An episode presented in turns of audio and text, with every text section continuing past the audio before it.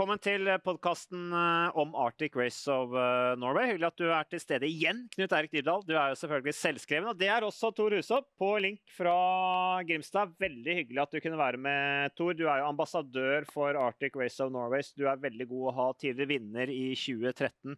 For en eh, historie denne nordmannen på to hjul har. Men i dag skal vi snakke om hvorfor Arctic Race of Norway er mer enn bare et uh, sykkelritt. Uh, vi skal også snakke om, uh, om dette med bl.a. morgendagens helter. Alt dette føyer seg inn i hvorfor Arctic Race of Norway er mer enn bare sykkelritt. Mm. og bare for å ta det med en gang, Knut Erik, hvor viktig på en måte var det for deg eller for dere når dere skulle på en måte selge inn dette som et prosjekt, da, eller en, en mulighet for, for landsdelen at det skulle være noe mer enn bare sikkerhet. Jeg tenker på da i forhold til muligheter med næringslivet, jeg tenker på i forhold til dette med inspirasjon, folkehelse og de tingene der. Hvor, hvor, viktig var på en måte den helheten? Ja, jeg, jeg tror helt ifra, ifra, starten av så var det, var det utrolig viktig å, å, kunne være noe som kunne bette sammen. Det at alle kunne føle at man kunne være med på å, å, å løfte eh, arrangementet. Eh, men jeg tror at eh, en av de viktige tingene som vi da brukte og mye tid på. Det var den muligheten vi kunne ha for å kunne ikke markedsføre bare landsdelen, men markedsføre gjennom uh, hele landet uh, gjennom en av verdens største idretter, som, som sykkel er. Mm. Uh, og kanskje vi i Norge vi har ikke kultur for at sykkel er en stor idrett. for at det, det ikke, har ikke vært sånn, Vi har jo hatt noen fra Dag Otto og, og med Tor, og, og, det er jo noen som, som nå er kommet flere og flere. Men det er jo ikke en stor idrett i Norge. Men internasjonalt er han kjempestor. Og, og, for oss så var det jo helt i starten det med å kunne markedsføre hva vi lever av, den fantastiske naturen vi har. Eh, men ikke minst om at eh, Nord-Norge, som ikke har store idrettsarenaer, så var det en arena som vi kunne få verdens beste idrett til å komme i. Mm. Uh, nemlig med å bruke arenaen der folk bor. Ja. Og det var liksom det som samhandla og ønska til at vi kanskje fikk alle med til å stå der vi står i dag. Men jeg tenker jo, Knut Eiring, og det tror jeg du er enig i, Tor, at uh, du sier at sykkel kanskje ikke er så moden som idrett i Norge, men det har jo skjedd en voldsom prosess fra begynnelsen av 2000-tallet, når Tor begynte å delta i Tour de France. TV 2 var, hadde jo kjøpt rettighetene, så de var jo heldige på en måte med den inngangen der. Uh, at de kunne lage mye uh, engasjement eh, og ikke minst eh, forventninger mm. til hva vi kunne se fra, fra Thor. Eh, vi hadde Kurtas Larvesen i hans rolle, og så har det på en måte blitt mer og mer, føler jeg, at kanskje Arctic Race of Norway kom egentlig i et punkt hvor norske sykkelpublikum og norske befolkning er modent da, for et større sykkelløp. Så det må vel på en måte ha vært, gjort det litt lettere for deg òg tenker jeg da. At det tross alt var et ganske viktig TV-produkt allerede. Hva tenker du, Tor? Jeg har lyst til å bare følge på, da, på en måte. Eh, jeg som eh, snakka med Knut Eirik uh, ja, når, når Arctic Race bare var en, en idé. Og så har jeg jo sagt det litt, så, litt sånn humoristisk meint, så ringte han meg da i, i 2011. Mm. Uh, og da ringte det en sånn der, en, en ganske intens nordlending som snakka på inn- og utpust om, om, at de ville få et, et sykkelløp eh, til Nord-Norge. Det var hele, det var Tour de France og det var, det, var, det var, så store visjoner at det liksom Jeg tenkte nå må jeg bare få prøvd og lagt på, men, nei, men så kom det aldri til. for Han, så, han, han brant så for det. Og jeg, jeg tror det er blitt litt sånn eh, eh, identiteten til, til, Arctic Race. At Knut Eirik har på en måte, og gründerne, de, de, de så på det her som noe unikt. De så på det som noe stort. Og så har, de, så har, de, ikke tatt et personlig eierskap til det. De har sagt at det her er en idé som er, som er vår, og på en måte det har, det har, de stått fast med hele veien. Og på den måten så har de fått med seg ikke bare Harstad, ikke bare Troms, men fått med seg Nordland og Troms og Finnmark. ikke sant? Mm. Og så har det blitt en, en, en, stor pakke. Og litt sånn det, det som er blitt uh, identiteten. altså det, det, det, er mer enn bare et, et sykkelløp. Men det tror jeg ble skapt fra da én. Og Hvis du tør å ha store visjoner, du tør å bruke store ord, da kan du òg få til eh, eh, store ting. Og det tror jeg bare har fulgt med eh, hele veien. For det at det Knut Eirik og det eh, eh, Arctic Race er, det er, eh, det er, ekte, og så brenner de for det. Og da, det, da kommer det frem på en god og ærlig måte òg. Mm. Når, uh, Tor, begynte du å du, du, refererer til den samtalen du hadde med Knut Eirik, som du opplevde som lysse navn, er det her? Uh, og det husker jeg jo også med, med, min far. Begynte å mm. snakke om dette her, om disse her gærningene oppe i nord. Uh, jeg reiste jo sjøl opp og var med på Andørja rundt for å liksom få litt følelse med arrangementet. sånn. De inviterte jo. Dere er jo utrolig gjestfrie her oppe, så det var jo kjempehyggelig. Men Tor, når begynte du å liksom få tro på at dette her faktisk hadde substans? da? At det faktisk var noe reelt som kanskje kunne komme?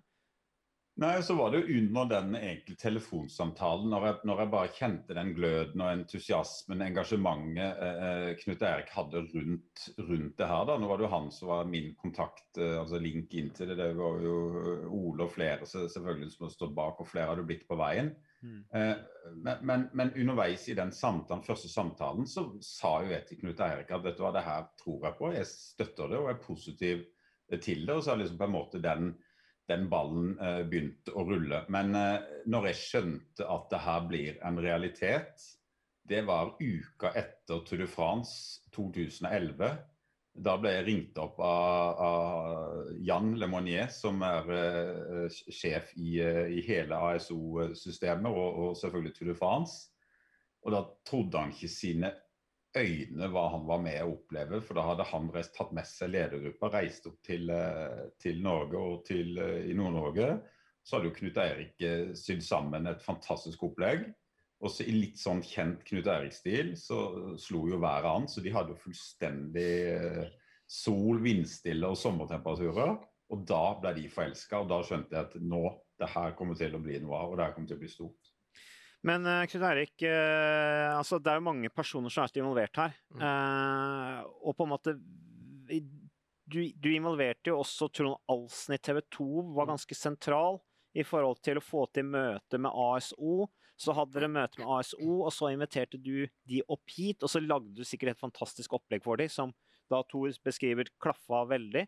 Men, eh, men, litt om prosessen der i forhold til kontakten med TV 2, og hvem var det som åpna dører der? Tok du bare ringte til de, eller? Nei, altså det, ja, I starten, da vi da begynte med det, så var det jo jeg, jeg og Ole Skardal da. Uh, men tilbake igjen til Tour de Andørja og, og, og, det som skjedde der, og NM på sykkel som vi hadde i 2006. Uh, eh, det her med å kunne skape et idrettsarrangement som kan passe inn i Nord-Norge. Så fra i 2008 til i 2010 uh, så jobba vi med prosjektet. Og da var Det sånn at det handler ikke om at vi hadde lyst på et sykkelritt, det må jo være noe som hele Nord-Norge hadde. Så å reise rundt og fortelle om det til, til, lokallag og til politikere og til næringsliv og til virkemiddelapparatene og til alle eh, var viktig. Så alle begynte jo å snakke om det. Men hvor mange folk trodde på det, det er jo en annen sak. Men hvis man får det til, så høres det jo veldig sånn fornuftig ut. Og når politikere også begynner å drage på at dette ønsker vi å, å kunne se mer på. Mm. Og eh, vi fikk jo 300 000 hos Innovasjon Norge. Det var en viktig eh, del. Innovasjon Norge har jo vært en, en, en viktig brikke for at vi kunne fortsette å gjøre den jobben. Og når vi hadde brukt opp de 300 000 fra 8 til, til 10, så tenkte vi at vi må bare legge ideen bort, og så må man bare støve ned. Uh, men det var da jeg fikk en telefon fra Bergen og da Trond Ahlsen, som du nevner. Mm. Uh, skal prøve å gjøre historien kort, men uh, han ringte til meg og han spurte om vi satt på å planlegge et sykkelritt i Nord-Norge. Og sa ja til. Det ville de høre mer på. Inviterte oss til Bergen. Jeg husker vi var fri for penger, og jeg tenkte at ja, ja. Det er nå ikke alle som har fått reist til Bergen og TV 2 og presentert et sykkelritt fra Nord-Norge, så noe kan vi nå prate om på gamlehjemmet igjen, uansett. og vi reiste til Bergen, og Trond Ahlsen, jeg husker at i møtet sa at uh, dette har jeg trua på. Jeg tror det kan bli større enn hva fotballen uh, Norge. Jeg tror det kan bli Skandinavias største kultur- og, og idrettsarrangement. Mm. Og Da med at TV 2 òg kom med, så begynte da ballen å rulle. Fylkeskommunene kom òg til å bidra med, med, midler til at vi kan jobbe med prosjektet. Sparebanken Nord-Norge, viktig aktør, kom med, med, kapital inn, som at vi kunne enda mer jobbe med prosjektet. Mm. Um, det med at TV 2 ordna det møtet i Paris der at uh, Bjørn Tåløsen, da, i, som var sjef for sporten i TV 2, og, og Trond Alsen, mm. hvor vi var og hadde 30 minutts audiens i Paris. Husker det veldig godt. Uh, gruva meg litt, men syntes det var litt mm. artig. Ja, Hvordan var det møtet? Ja, det var... Jeg altså, ser for meg sånn styrerom med langt bord og litt sånn strenge nei, altså, franskmenn i dress. Det, det, det, er egentlig litt sånn artig at du spør, for når jeg tenker etter, så kom vi nedover til Paris. Jeg har aldri vært i Paris før. Uh, vi skulle presentere noe. Vi hadde gjort ferdig en plan. Vi hadde fått oversett planen vår til fransk, for vi tenkte at det kunne være litt kult. Uh, og vi visste bilder og film. Så de 30 minuttene som vi hadde på et litt lite møterom, så fikk jeg beskjed at slapp av, vi skal fare en annen plass. Mm. Og da ble vi tatt med til Lekip. opp i toppetasjen der Lekip holdt til. Og der var det en egen restaurant. Og der spiste vi en treretters lunsj. Jeg er jo ikke vant til å spise treretters lunsj, Og jeg, når jeg hadde fått, eh, fått forretten, så trodde jeg jo det vi fikk. Men, så man prøvde jo å ta mest mulig av det. Men, men da satt vi der i tre timer, og, og, og, og bildene som vi visste, det trodde de var maleri. Uh, og når praten ble veldig fin rundt bordet, så, så sier jeg bare tenkte, ja, hvorfor ikke? Til Jan. Så sa jeg Jan, når kommer dere til Nord-Norge og ser? Og så tok han telefonen sin. Begynte bare å Skal vi se. Ja Kanskje det blir vanskelig før Tour de France. Um, så vi ble enige om tre dager etter Tour de France kom vi til Nord-Norge. Og jeg bare satt der og tenkte Shit, det er alvor. Og det var starten. Tor, det høres jo litt ut som de hadde bestemt seg på forhånd, tenker jeg. Når det blir en sånn liksom OK, vi tar dette her ut. Presentasjonen trenger vi ikke å vise. Vi drar og spiser lunsj. Du drakk sikkert litt vin òg? Jo, vi, vi, visste presentasjon. Ja, dere viste presentasjon, ja. Presentasjon, okay. mm. I de 30 minuttene hadde vi. Ja. Eh, og når vi kom dit, ja, det var vin. Ja, Da hadde de bestemt seg, for da tok de den lunsjen. Er det ikke litt, blir det ikke sånn Tor? Du kjenner jo franskmenn eh, godt etter mange år der. Jo da, uh, absolutt. Men uh, jeg, tror nok, uh, jeg, tror nok, det stikker dypere enn en som så. At, at ASO er jo De er jo De har liksom i mange år, og, og, i den perioden, så ønsker de jo på en måte ekspans, ekspandere én Altså selskapet og på en måte og sykkelsporten. Få den til, til flere og flere land. Og så så de jo den interessen som var i Norge. Man må huske det at mm Eh, det var jo nesten flere Du så flere norske flagg enn franske flagg på langs veiene under, under Tour de France. Mm. Nå er vi nordmenn flinke med flagg og de, og de tingene der. Så, så, jeg tror nok de så at her var det en mulighet, men så kommer noen med en pakke som er litt ferdig sydd sammen. Eh, noen som hadde jobba godt med konseptet, hadde en god idé, og som kom med noe som var eh, unikt. Mm. Uh, for det, var, det, er det som er spesielt. Det er unikt, og det er på en måte det, det er jo det Norge og Nord-Norge har å by på. Det, det, er jo naturen som er det unike. Sånn som mange av tilskuerne, uh, TV-titlene sitter og ser på Tour de France. Alle, alle, beklager, her ringer det. Alle er ikke interessert i selve sykkelløpet. Mange sitter og ser på Tour de France og tenker vet du hva, nå, i sommer skal jeg oppleve Frankrike. Uh, og tar med meg den reisa, og så får jeg oppleve litt sport på sida. Og, og da, jeg, jeg, jeg, det tror jeg var uh, mye av ingrediensen til et ja. Ja, og jeg tror jeg må, må få flette inn en, en, ting som var etter det møtet. Så plutselig fikk vi beskjed om at vi måtte sette opp et sånn telefonmøte, for de ville snakke litt mer. Men dette var i mai i 2011, mm. før de kom oppover. Og det var veldig hyggelig det møtet, og vi skjønte at her er noen som vil vite litt mer. Begynte også å snakke om økonomi, kostnader, hva vi har sett på. Ja, vi har sett på, på alt. Ja, om eh, hvilke finansieringsmuligheter. Og jeg vet ikke om, om, det var min redsel for å prate engelsk på telefon, eller om man, om man var så snartenkt. Det skal ikke jeg si. Men jeg sa bare at alt som dreier seg om økonomi, det snakker vi om når dere kommer til Nord-Norge. Mm. Og det godtok de. Da ja. stoppa de opp. Ja. Og egentlig så trodde de vel kanskje at vi hadde kontroll på økonomien, men vi hadde jo ingenting. Men Tor, tror du ikke det, altså det, det er interessant det du sier der, eh, som jo er spennende, dette her med at um, nordmenns engasjement i Tour de France blir lagt merke til. Sånn er det jo. ikke sant? Rytterne legger merke til det, de snakker om det, og snakker hele miljøet om det til slutt. Eh, men tror du ikke også at franskmenn og ASO ser potensialet i Norge? altså Det er naturskjønne omgivelser, det er spektakulært, kan skape flotte TV-bilder men også at det er et land med sterk økonomi. I forhold til dette med ekspansjon og dette her med å tiltrekke seg nye markeder. Tenker ikke også ASO i den retning? Jo, absolutt. De, de, eh, det gjør de jo. Eh, en ser jo Sykkelsporten har jo utvikla seg eh, over tid og utvikla seg i riktig retning, men den har en, tatt en ny retning. Hvis du ser på de tradisjonelle sterke nasjonene som Frankrike, Italia, Spania, Frankrike har klart seg greit, men Italia og Spania Italia har ikke ett lag igjen på toppnivå i sykkelsporten. Det er fordi de, de, sliter med økonomien. De sliter på en måte med å, å, å etablere nye ting, komme opp med eh, en, en, en sterk økonomi, som alle idrettsarrangement er eh, avhengig av. Det det er, på en måte et, et, faktum. Du må ha en god, godt innhold i et, i et godt sykkelritt. og det Én ting er selvfølgelig veiene en sykler på og sikkerheten og rytterne må være der, men så må du ha en en bærekraftig økonomi eh, langt frem. Og det har selvfølgelig eh, ASO eh, sett. Det er jo et privateid selskap som, som er, er veldig profesjonelt på den biten òg. Og, og, det burde det være. og En kan ikke dra i gang idrettsarrangement arrangement, men ikke en har økonomien i, i bånn. Så de så en totalpakke her. Mm. Det er jo litt sånn som de gjorde med Eng Storbritannia, ikke sant? med å, å, arrangere Tour de France i, i, i, London først, og så i Yorkshire. Interessen for sykkel ble enorm, mm. med ringvirkninger som førte til at sykkelsporten der vokste veldig. Eller var i hvert fall med på å bidra til den given som allerede var der rundt sykkel. Da. Så det er veldig spennende. For øvrig ASO... Når, så når kommer, når kommer det Le Grand Depart, altså Tour de France-start, til Norge? Knut Eirik, har du noe nytt å komme med? Nei. Vi snakka om 2022. Det husker jeg. Det er allerede ja. neste år. Det skjer ikke. Da er det Danmark. Da er det Danmark. Mm. Flytta dit da. Ja. Pga. pandemi. Men det er ikke umulig. Skal du gå i bresjen for å få til det òg, eller? Eh, hvis at det er noe som Norge vil, så er jeg ganske sikker på at vi får det til. Det vil vi. Ja, men da får vi det til. Det er bra. Ellers er, du, er du med da, Mats? Jeg er med. Ikke bra. Tor? Jeg støtter, jeg støtter ja, det. Men da har vi jo en da er det, det neste podkast blir da eh, Tour de France til Norge. Bli med i planleggingen, skal vi kalle den på ja. podkasten. Ellers ja. er ASO Jeg har gjort litt notater her, da, eh, som dere ser på ASO, for det er jo mye å si om det. Jeg skal ikke ta alt her. Men det er også eh, kjent som Group EPA, eller Amory Group. Eh, grunnlagt av Philippe Omeri, døde jo Omery, døde i 2006 hvis enke Marie Odile. Mm -hmm. Hun har jo vært her oppe. Er, det er det eneste rittet hun drar til, det er Arctic ja. Race. Utenfor Frankrike og Tour de France så er det kun Arctic Race hun, hun har vært. Ja. Uh, og hun har uh, alltid hatt et ønske hvert år om å komme, og er veldig opptatt av å prate med oss og spørre hvordan vi har det, og hun mener at vi har et utrolig fantastisk land å bo og folk. Altså, mm. Det vertskapet der hun ikke møtt noen andre plasser.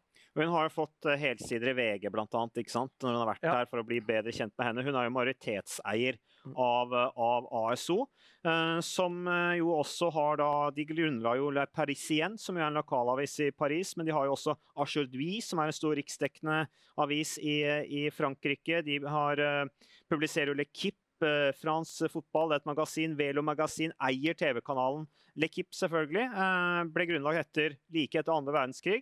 Og arrangerer jo en lang rekke sportsarrangement hvor 70 er sykkelkonkurranser. Da. Eh, da har du Tour de France, Paris-Roubais, Flesh Ballon, Flashland for kvinner, Liège, Bastan Liège også for kvinner. Paris-Nice, Criterion Dauphiné, Tour de l'Avenir osv. osv. osv. Arctic Race, Tour de France. Så det er, det er svære greier. Um, kunne tatt opp masse her, men uh, dette her er jo ikke interessant, Det er jo interessant, uh, den lista har vel du der, Mats, men hvilke andre idrettsarrangement de har? De har Paris-Dakar f.eks. De har vel uh, Paris Marathon. de har er det friend, store tennisturneringer. French Open, ja. Ja, French Open. Så de, de, de, er ganske, de, er ganske, store. Og så prøver de seg på litt, en del andre litt sånn nye typer idretter òg. Uh, sånn uh, løp sånn Gjørmeløp og diverse. Da. Seiling. ja. Tour de France eller Wall, er det ikke det Wall du sier? Um, det. Altså, altså her, er det, her er det mye. Så dette er jo de da som uh, er mm. medeiere, da. Og, og, og, det som vi må si med, med ASO uh, det er jo mange som tenker at de er kommersielle, og det er de jo. Mm. Det må vi ikke ta bort. Men det er også sånn at de ønsker jo, som Coca-Cola, at flest mulig skal uh, Som Coca-Cola ønsker at flest mulig skal uh, drikke Coca-Cola, mm. men de ønsker jo at flest mulig skal ha interesse for sykkel og se på sykkel. Og da er de med på å bygge et grunnlag for det som er det store, nemlig Tour de France. Jo mm. flere som ser på Tour de France, jo bedre er det for, for, for sykkel. Så det er jo hele tida om å tenke og kunne utvikle seg. Og så er det jo også sånn at Tenk den kompetansen som de har delt med oss. Mm. Tenk det vi har fått lov til å bli en del av og har lært av og laga et grunnlag for. Det har vi fått av dem, og det har de delt med oss. Mm. Og det kan vi bruke til mange andre ting òg, hvis vi ønsker å gjøre det. Så det er òg at de, de, de, har sine måter å gjøre på. De er et maskineri. Mm. Eh, men det er ingen tvil om at de ønsker å utvikle sporten for det sporten de mener fortjener det, og spesielt da sykkel, og med Tour de France, som egentlig er holdt på å si, hovedingrediensen i, i, selskapets filosofi. Ja, og da er det jo ASO sitt bidrag til Norge eh, og til sykkelrittet er jo denne distribusjonen til, til alle verdenshjørner med Mm. TV-bilder. Selvfølgelig, og vi kunne jo selvfølgelig nå ha gjennomført Arctic Race uten dem. Eh, men det spørs om vi hadde fått de avtalene som man har, som vi får tilgang på gjennom dem. Mm. Så det er jo at vi har, det er jo også sånn at jeg mener jo at et samarbeid som er bygd, bygd opp der man er avhengig av noen, så skal man ikke bare si at vi trenger dere ikke lenger nå. Uh, for det tror jeg ikke heller gagner noen ting. Vi må heller se på hva kan vi gjøre av andre ting. Mm. Uh, eller få bidrag til å kunne løfte enda mer. Sånn som vi snakket om nettopp. Tour de France Norge. Burde vi presse på med for å få til? Det hadde definitivt vært en eh, målsetting. Men eh, jeg tenkte vi skulle ta litt tilbakeblikk. Eh, det er veldig gøy å snakke om det store bildet, og, og, og det kan vi også sikkert komme litt tilbake til. Men vi, forrige episode så snakket vi om 2013-utgaven, som jo var den beste utgaven, Tor, for den vant du. Uh, og så var det 2014, hvor vi hadde Nordkapp.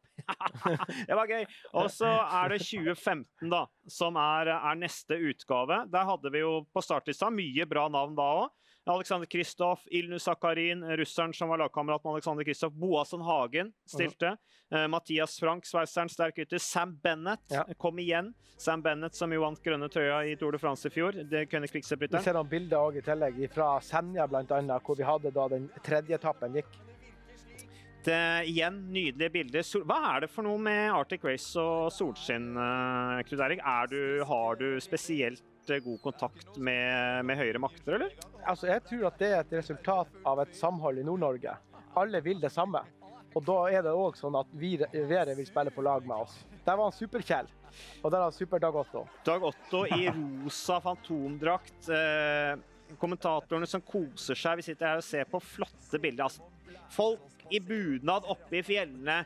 Folk som står og spiller hornmusikk ute på Hva kaller man en sånn? Lekter? En pram. En pram, ja. Eh, Kongens Gard-. Ja, dette er jo altså, ikoniske bilder. Hvor Garden står oppe på fjellet. Det er bare helt nydelige bilder. Her Altså. sa Kristian at han, eh, jeg, han fikk tårer i øynene.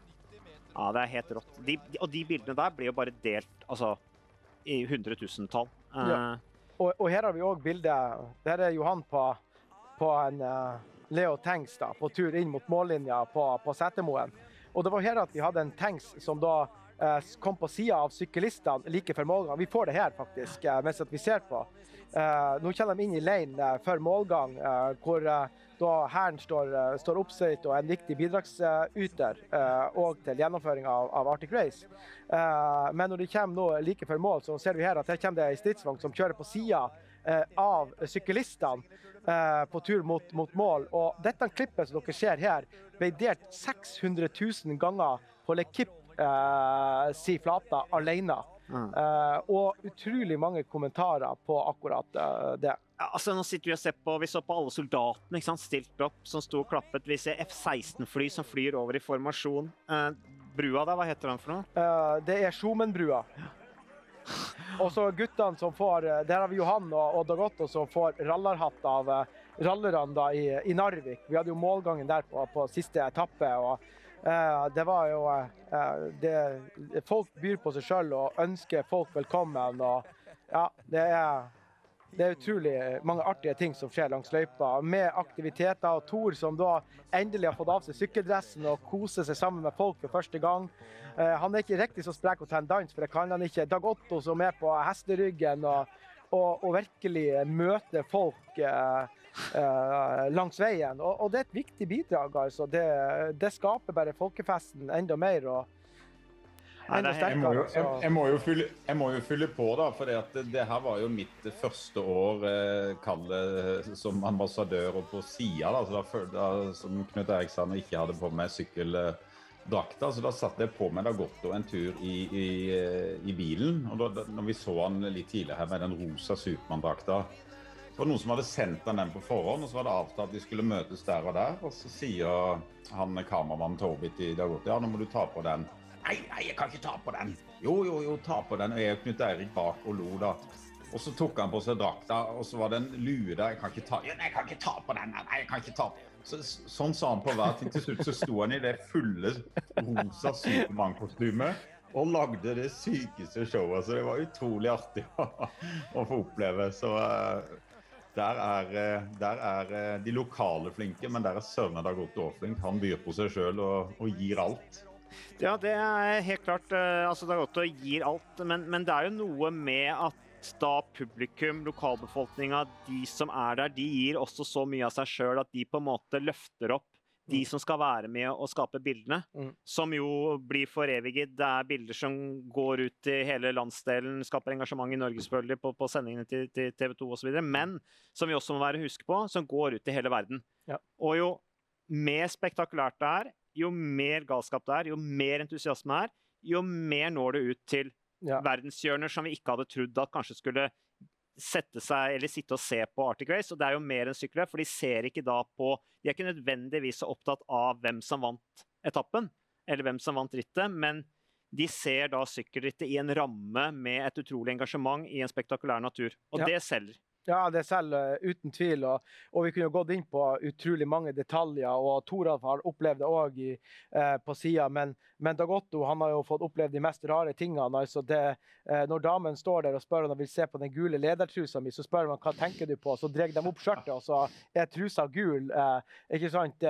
Rein som blir oppkalt etter Dagotto. og du får masse eh, opplevelser på, på veien. Mm. Så jeg må jo si det at eh, det tror jeg òg er en viktig faktor eh, med Arctic Race, det, det folket. Og, og tredjeetappen som var i, i, 20, i 2015, nei, tredje året, altså i 2015, eh, hvor man da starta i Harstad og gikk til Innlandet og rundt Senja og Målselv og endte opp i, i Narvik til, til slutt. Det var, det var et sånt fullverdig år. Da følte du at du hadde liksom tatt mye dimensjoner fra Lofoten og Nordkapp og Senja, som er Norges nest største øy, og er liksom blir kalt Norge i miniatyr på mange måter. Uh, så det var, var noe sånn, sånn Du følte veldig godt at du hadde gjennomført da, det, det tredje året, Mm. og man hele tida klarer å, å, å utvikle det videre. Så det var Rein Taramé da, fra Estland som uh, vant samla foran Sylvain Dillier og Ilner Sakarin. Uh, Tor, det var ditt eh, første år som sagt som ambassadør uten sykkelklær eh, på. Eh, hva, nå har vi snakket mye om 2015-utgaven, men er det noe spesielt vi husker Nå har vi jo egentlig sagt det, men er det noe annet dere husker fra 2015-utgaven? Jeg, jeg tror ikke jeg kan si at det var noe annet spesielt enn at det var, det var et utrolig bra år og ei, god gjennomføring og, og et godt sykkelfelt uh, igjen. Så det rent er her og med. Litt sånn sportslig så var det jo han kaller beste spurteren i verden i dag, Sam, Sam Bennett. Det var hans sitt uh, gjennombrudd. Det var hans første store internasjonale uh, seier. Første gang jeg hadde hørt om han. Uh, og det har jo, En begynner å se på denne lista om rytter som har slått igjennom. Uh, begynt i Arctic Race. Og så har de på en måte staka kursen videre i, i deres proffkarriere. Den lista begynner med ganske lang, så det er veldig, veldig artig når en på en måte får se i det perspektivet, eh, perspektivet over på det. Idretten skal jo skape inspirasjon, eh, og eh, inspirere til da god folkehelse. Det er jo litt idrettens viktigste oppgave. Det skal jo inspirere, skape engasjement, motivere. Eh, og Knut Eirik, dere har jo det er jo ledertrøye og poengtrøye og klatretrøyer og i det hele tatt. Vi ser jo alle trøyene her nå. Ja. Men dere har nå gjort et samarbeid med noe som heter Suffer på de trøyene.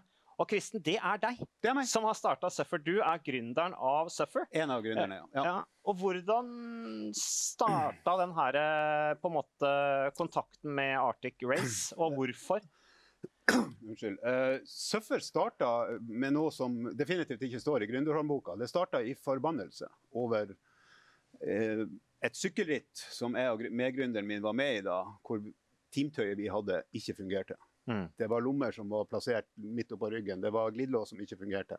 Og det starta egentlig med det. Så vi, vi forbandt oss på at skulle at vi skulle utvikle teamtøy som fungerte. Det finnes mye bra sykkeltøy på, på markedet, men mye av det som blir tilbudt amatørteam, holder ikke mål. Og så etter hvert, når vi hadde utvikla vår første kolleksjon, så får vi fantastiske tilbakemeldinger. Så ca. et halvt år etter at vi hadde klar vår første teamkolleksjon, så starter vi Surfer Sportswear AS. Og tanken er da at vi skal utvikle et eget brand uh, i high end-markedet. Og etter den tid så har det egentlig bare gått uh, den veien. Mm. Jeg sendte, husker en artig historie med Arctic Race. Jeg sendte Knut Erik to uker etter vi hadde etablert selskapet og sa at vi er her. En dag så kommer vi til å levere til Arctic Race. Mm. Så gikk det fire og et halvt år, så ringte Knut Erik meg og sa kanskje tida er inne. Men, men, det er også, jeg må bare, Mats, eh, det, det, er jo en fantastisk historie. og Vi vet jo at Kristen kunne jo ha prata om han og Kenneth, som da har, har utvikla tøyet i, i, mange timer. Uh, men jeg syns jo at du må egentlig fortelle uh, hvorfor navnet Suffer. Suffer er jo, er jo Vi har, vi har laga tøy som skal være for sone fire. For de som ikke er kjent med det, så er sone fire da ligger du rundt 88-92% av mm. makspuls. Da begynner det å røyne på. Da, du, da lider du. Ja. Da, da, får du blodsmaken. Da kommer du. Så vi har laga tøy som skal tåle eh, ekstrem belastning. Ek, har ekstreme egenskaper på fukttransport, på passform. Og vi har utvikla alle våre produkter helt fra grunnen av. Vi har en padding som vi har utvikla sjøl. De stoffene vi har, har vi håndplukka på øverste hylle. Uh, sånn at det er ingenting av oss som er på en måte ferdigprodusert. Vi har produsert alt fra altså, bruke et bakverk. Vi har gjort det fra bunnen av. Men Kristen, var det ikke noe sånn at dere så på en utgave av Arctic eh, før samarbeidet, og så, ja. så var det Alexander Kristoff som hadde ledertrøya, og så hadde han måttet bruke sikkerhetsnåler og alt mulig rart mm. for å gjøre det. For vi ser jo dagens syklister. Ja. De har jo veldig tighte klær. Ja. Er ikke det mm. riktig, Tor? Jeg mener, I gamle dager så hadde vi jo klær som flagra litt. Det var sånn, hvis du da var liksom, Det var sånn tegn på at du var i form, det når klærne flagra i gamle dager. Da var du liksom gått ned i nødvendig vekt, så da kunne du begynne å sykle oppover igjen. Ja, det er for så vidt sant det, Mats, eh, med modifikasjoner. Eh, men det er klart, eh, sykkelsporten har utvikla seg på mange ting. Nå tar vi ikke komme inn på det akkurat nå, men en av de tingene der det har vært en stor utvikling, er jo på f.eks. sykkeltøy, og, og, at det skal være mest mulig aerodynamisk. Og Der har jo vet Soffer gjort en, en, en, kjempejobb og ønsker å være en av, en av de beste. Så det er det jo vindtunneler og de ulike, om det er sykkellag eller bekledning, så leier de da eh, typisk eh, som vindtunneler som blir brukt av Formel 1-biler og, og, og, den slags. Eh, og, og, tester ut hva som er det, er det optimale. Og, det er liksom blitt den nye sykkelsporten. Så jeg, jeg kjenner jo det når vi begynte med på Kiliar Cole og var nesten fullstendig grønne. Da blaffa jo de her eh, regnjakkene og vindvestene i, i, i, eh, i vinden når vi sykla. Det er det slutt på nå. Men, bare en så liten ting, for, for, det du sier er litt artig. for at Ca. 14 dager etter at vi hadde på en måte laga vår første prøvekolleksjon, så sto jeg på målstreken på Setermoen og hørte da, så sto rett ved siden av, av eh, Alexander Kristoff når han uh, hadde tiraden mot, uh, mot trøya og sikkerhetsnålene. Og ja, for han var sur? Han, han var, han var irritert? Ja. Han var lynforbanna. Og, og, og, det var nettopp en av de tingene vi nettopp hadde gjort noe med på den trøya vi hadde fått av fra fabrikk 14 dager tidligere. Og da skjønte vi alt. det, Så det var egentlig starten på at vet du hva, vi må gå videre med det her. Og det som da endte i, i selskapet Surfer Sportswear. At vi skjønte at vi var inne på noe som folk eh, som de var opptatt av. Men var det Det er mulig dette her ikke er noe du Vi snakka jo sammen på forhånd, men eh, var det ikke snakk om noe sånn astmaanfall og noen jo. som ikke fikk tak i astmasprayen sin? Hvilke, vi skal ikke navngi hvilken teamtøy vi hadde, men Kenneth, kompanjongen min, medgründeren, har astma og er avhengig av en inhalator som han har på ryggen. Mm. Og i et ritt hvor han hadde gått i brudd, så over et fjell, så får han et lite astmaanfall og er avhengig av den. Og lomma var så høyt at han hadde store problemer med å nå den, og fikla masse. Og når han kom i, i, i mål, så gikk han rett i ambulanse i et pariapparat med astmaanfall. Mm. Og jeg kommer inn da etter en, kommer jo selvfølgelig en stund etter han i mål, for han er mye bedre syklist enn meg. Og går bort til han liksom, går det bra med deg? Og da tar han da liksom maska av seg og så sier han, det må da F være mulig å designe klær som fungerer. Det er på en måte starten på Det er den første, første Og derifra så har det gått bare slag i slag. Litt morsomt med disse gründerne da, som hiver seg på sykkelløp, eh, Knut Eirik? Ja, det, det, er utrolig artig. Og, og Kristin har jo vært eh, på oss egentlig fra vi starta.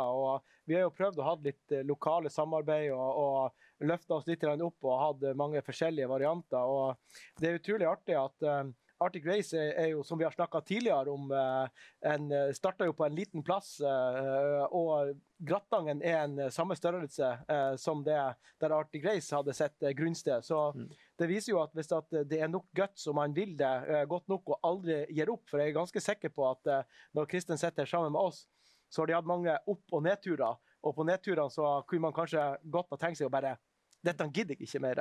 Nei. Men har allikevel stått på, har gjort en jobb, skal være sammen med oss nå. Eh, jeg vet at Tor han har uh, eh, sykla med tøyer og har prøvd det. han måtte, det, det som jeg sier, han måtte faktisk innse og si at det var bra. Ja, for Thor sprer ikke om seg med Nei, nei, nei, superlativer. Nei, nei, det gjør det ikke. Det skal være bra, liksom, for han skal, skal si at det er bra. det skal være bra. Mm. Så det er jo liksom også når Thor begynner å si at noe er bra, så og, og jeg har jo ikke hørt så mye av akkurat det, da, så det er jo godt at vi får noen fra Gratangen som kan Men eh, Kristen, eh, eh, forstår jeg deg rett på at det er på en måte Arctic Race-opplevelse med sykkelløpet og møte med rytterne og observasjonene som skapte ideen? I tillegg til disse erfaringene dere hadde på turritten osv., eller? Ja, og så har jo, har jo Knut Erik vært viktig i den altså for Når vi starta det her, eh, så ble vi jo dømt nord og ned. Alle Mm. liksom Dere kommer til å bli knust av de store, det er liksom dødfødt. Men nettopp Knut Erik og, og måten å tenke på at, at altså Når han gikk rundt og skulle selge inn Arctic Race eh, før, før første året, så, Mm. så ble han jo også sett på som en, en raring. Ja, han ble det. Altså folk eh, Mange Det gjør han vel litt fortsatt, gjør han ikke det? ja, det, det, det, men det er sant, som Tor, Tor, Tor bruker å si, han prater på inn- og utpust en halv time før Ja. du kom til ordet. Eh, så det, litt i ly av det så, så, så tenkte vi det er mulig, men det handler om den steieren, og det handler om å, å holde ut. Og ja, vi har hatt mange nedturer. Vi har hatt vanvittig mange nedturer. Mm. Men de nedturene har på en måte Vi har aldri latt oss knekke verken av korona eller noe annet, men, men eh, det handler om den Han bruker så fint å si det. Store ting kan skje på små plasser. Ja, for dere har fått smakt litt på covid-19, dere òg. Eh, Vi har fått smakt uh, kraftig på den, selv om det ikke andre har smakt mye. Men det, det er klart vi har gått glipp av, eh, av det neste steget. Eh, vi var liksom eh, 14 dager unna å signere en eh, kontrakt til 10 millioner i, i Spania, som hadde gjort oss at vi kunne, snøballen kunne begynt å rulle mye fortere. Men uh, hva tenker du, Kristen? Liksom, uh, har du noen liksom, har du, La oss si topp tre drømmeryttere du vil ha inn i den Suffer-trøya i forbindelse med Arctic Race? Hvis du tenker deg om. Liksom, optimale rytterne vil ha inn i den Suffer-trøya, liksom, i gult eller grønt. eller Ja, det har vært, vært sånn emosjonelt eh, litt sånn hvis August kunne ha rota seg inn der. For August Mm. var med. Han var den første. Vi har hele tida vært eh, liksom, som Bjørn Kjos i Norwegian. Vi har vært ute etter å finne folk som er bedre oss. Naturlig å inkludere August ganske tidlig. Så Før prøv... Peter Saga. før Petter Saga. Ja. Nei, August hadde vært litt sånn, sånn kult om August kunne være Selvfølgelig Petter Jeg var litt, jeg var litt redd for at du skulle si Thor. Nei, Thor men- Tor, Tor har vi jo allerede folk kledd på, så Tor er vi, er vi fornøyd med. Ja, ja, men det er godt å høre. Nei, men Masse lykke til, eh, Kristen. Det blir gøy å se. Og så blir det morsomt å se hvilke store ryttere som Ja. skal ha på seg disse ulike trøyene etter hvert som eh, Det historien bygges i Arctic Race. Ja. Så masse lykke til. Tusen takk. Vi eh, skal forresten, apropos eh, folkehelse Du kan sitte litt til, Kristen. Så kan vi eh, Dette med at idretten skal inspirere og skape motivasjon. eh, Det er jo spennende å diskutere i hvilken grad idretten lykkes med det. Men at den lykkes på noen måte, det er helt sikkert. Og her kan vi se klipp fra Thor, som sender en hyggelig hilsen til de som er med i Idretten skaper sjanser. Hallo, det er Tor Huså der. Eh, Jeg har lyst til å bare sende en liten hilsen til alle dere i eh, Bjørgvin. Jeg vet at dere skal ut på en fantastisk eh, reise, ikke minst sykkelturen i nord. Det er sikkert en god forberedelse og en viktig forberedelse, men kanskje det viktigste det er Arctic Race, Arctic Race of Norway.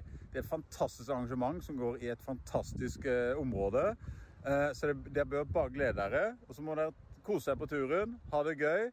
Og sykkel er sunt, det er artig, og så gir det, gir det mye til, eh, til alle, fra min erfaring. Og selvfølgelig så har en litt lyst til å prestere. Så jeg håper det at dere kommer i god form, kommer bra gjennom og kommer i mål med eh, gode opplevelser og eh, litt slitne, for det er viktig. Så lykke til. Det var Tor Hushovd som eh, sendte en hyggelig eh, hilsen og ønsket lykke til. Og Morten Nyborg, kan du fortelle hva som er bakgrunnen for den, den videoen, og hvem du er? Ja, du, jeg er Morten Nyborg, eh, daglig leder i noe som heter Idretten skaper sjanser.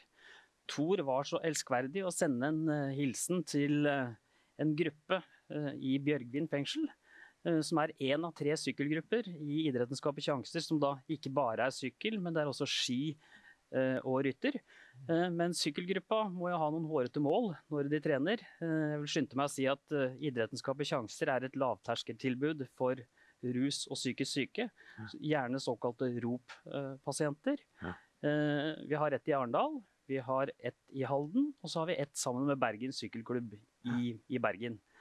Vi etablerte oss og begynte å sykle i 2019. Hadde en stor drøm om å sykle Giro d'Italia med første gruppe Mm. i fjor.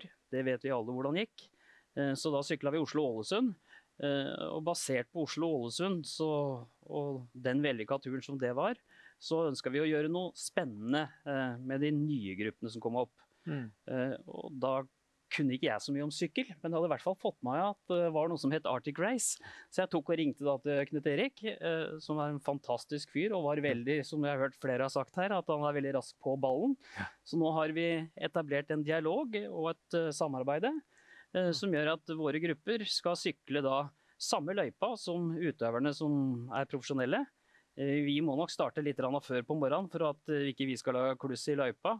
Men vi er ganske godt vant med eh, å, å, å leve sparsommelig, og at vi er friske om morgenen. Vi står som regel opp klokka fire og er på sykkelsettet klokka seks, så at vi har dagen foran oss, og at vi greier å ta ut en viss sikkerhetsmargin i forhold til trafikkbildet. Vi kommer heller ikke til å legge noe beslag på noe av hotellkapasiteten til Arctic eller arrangøren her oppe, for at når vi er ute, så er vel så mye eh, det en reise er også en mestringsreise i forhold til det å kunne både lage maten sin selv, vi bor i lavvoer, sånn at det her blir det sånn low budget. Mm. Eh, og så starter vi litt før. Uh, Arctic starter, sånn at vi kickstarter eh, fra Nordkapp. Og så sykler vi oss ned da, til Tromsø for å ta del i, i løpet, så vi varmer opp da, fra Nordkapp til Tromsø. Hvor lang er den sykkelturen fra Nordkapp til Tromsø?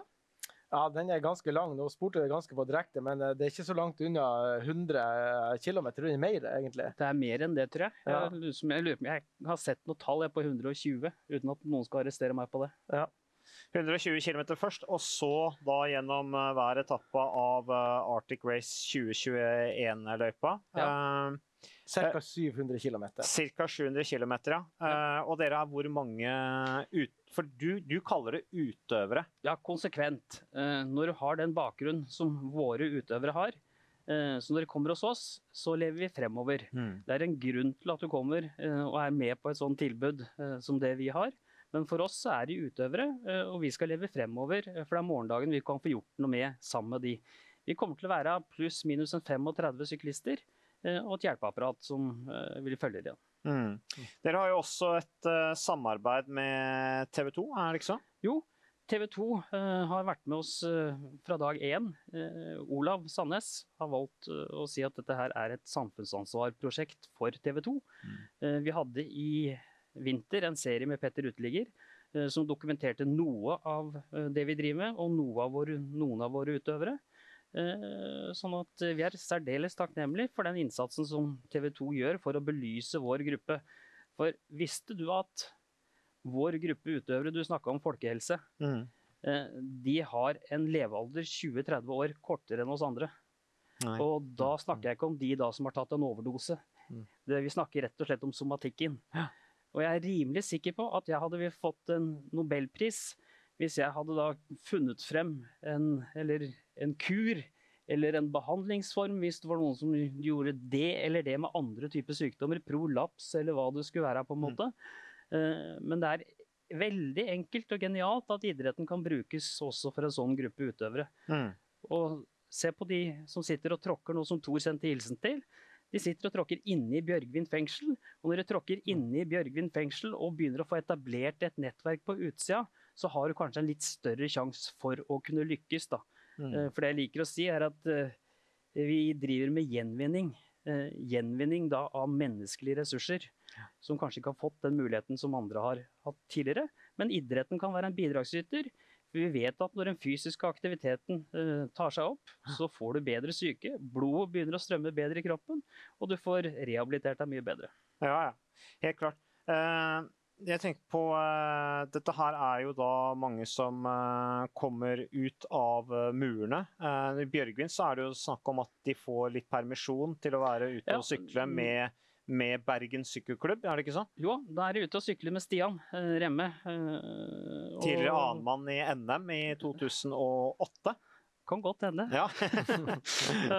Men også har de da med seg betjenter, eh, som gjør at de da kan få lov å være ute på fremstilling, som det på en måte heter. da.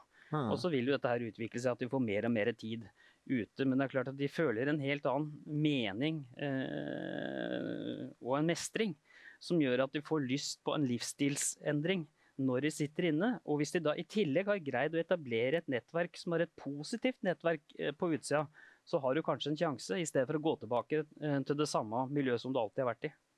Vi kan uh, se vi på, uh, på Olav Sandnes, som er administrerende direktør i TV 2. Uh, han sender en hilsen her til Idretten skaper sjanser. Idrett bringer mennesker sammen. Når vi spør folk om øyeblikk som har samlet nasjonen, ja, da handler det veldig ofte om idrett.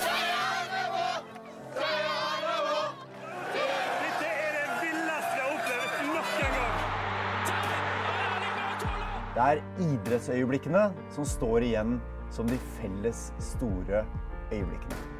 Men så er det mange, mange små hendelser som er vel så viktige. Og gjennom idretten skaper sjanser, så håper vi å være med og bidra til at det blir flere inkluderende fellesskap også i idretten. Jeg har ikke noen ambisjon om å bli noe idrettskvinne, nei. Jeg har ambisjon om bare å ha noe å gjøre. Noe plass å være. I en ny serie med Petter Nyquist så møter vi utøvere som får et sunt og godt miljø å gå til. Jeg trenger noe som gir meg en sjøltillit og en mestringsfølelse. da. Jeg skal aldri gi opp lenger, for det var det jeg gjorde. Vi møter idrettsklubber og ildsjeler som åpner døra for de som tidligere har falt utenfor. Se på dette. Dette er jo helt rått. Og vi møter trenere som går foran og utvider idrettens fellesskap. Men du bestemmer deg her, da. Ja. Gå på. Vi trenger at flere klubber og trenere går sammen om å lage fellesskap. Så de som har falt utenfor, opplever mestring og idrettsglede. Jeg håper at deres klubb vil være med og la idretten skape sjanser. Knut Eirik, eh, jo, eh, hva tenker du om at uh, sykkelrittet Arctic Race of Norway blir en arena hvor man også fletter inn såpass store samfunnsviktige prosjekter hvor på en måte idretten så til de grader er en metafor? Uh, Arctic Race har jo egentlig også vært en sånn, sånn viktig, uh, viktig, for oss uh, om at, at sykkelrittet skal være mye mer enn bare et, et sykkelritt. At mm. vi skal kunne skape mye rundt arrangementet, men alltid huske på at det viktigste vi gjør, det er å lage en god konkurranse for det profesjonelle.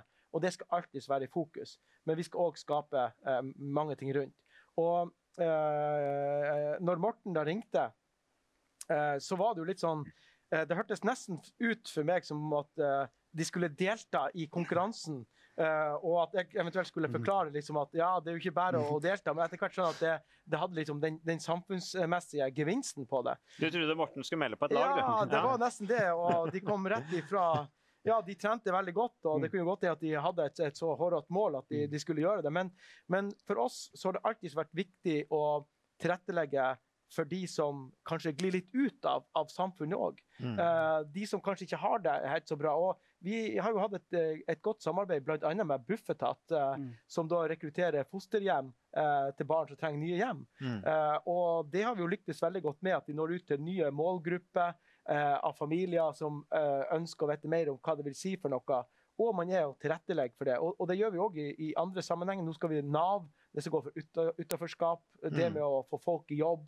Eh, altså bruke det til å kunne skape eh, andre ting for andre som kanskje har behov for det.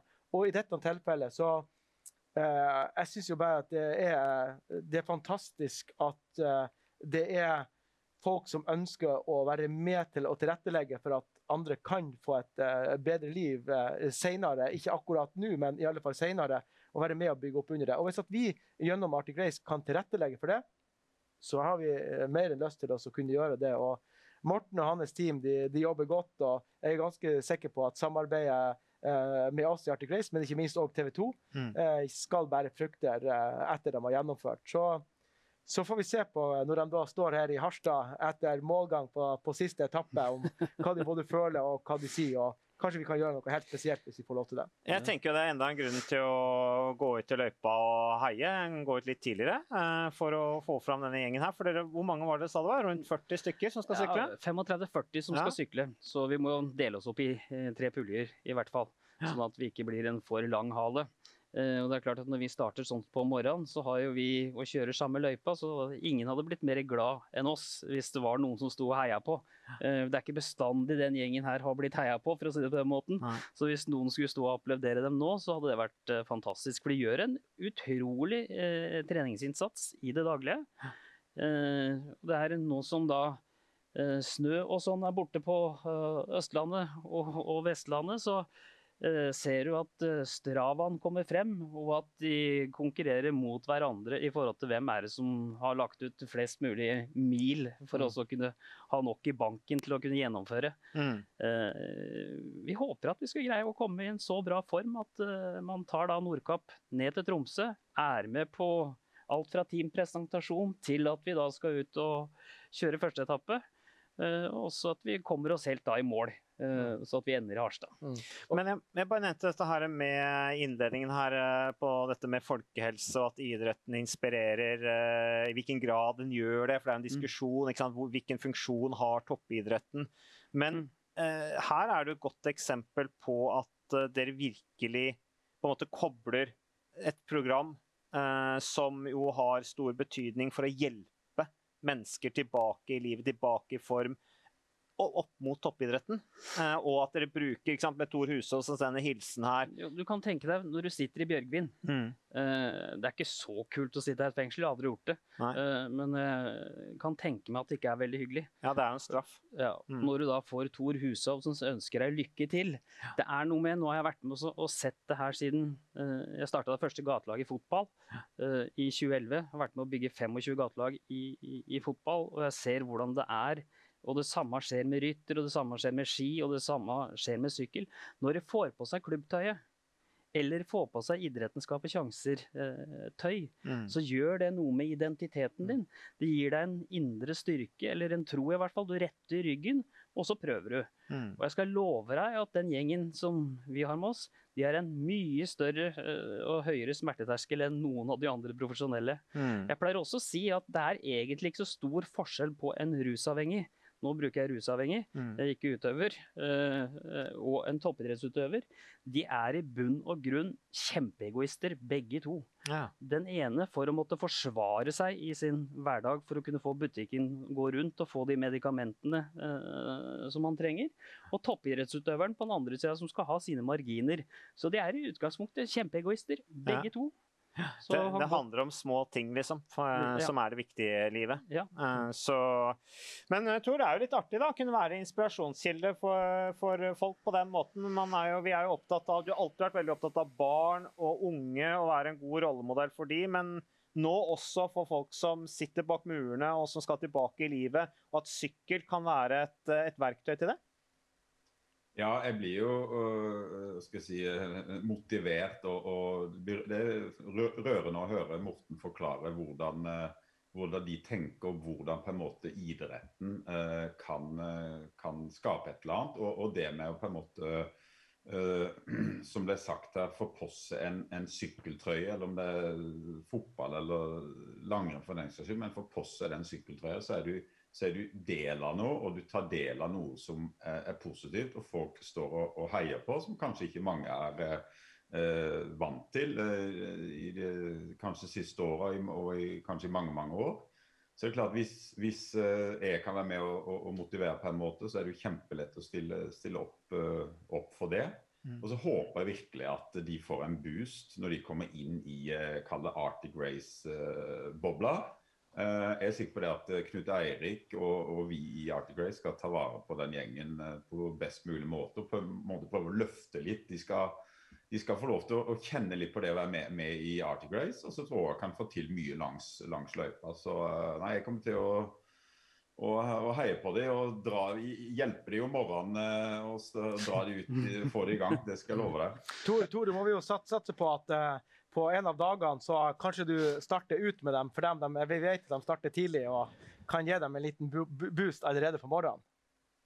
Ja, det har aldri... jeg, jeg, jeg måtte faktisk notere det på papirene mine her. Jeg skal, jeg skal, det lover jeg her og nå at jeg skal være med, med på en start eh, i hvert fall og, og sykle noen kilometer. For jeg syns det er et, et kjempetilbud. Og, og all honnør til dere som, eh, som står bak det, Morten, og, og sikkert mange, mange, mange, mange flere. Så ja, jeg gleder meg til å se gjengen.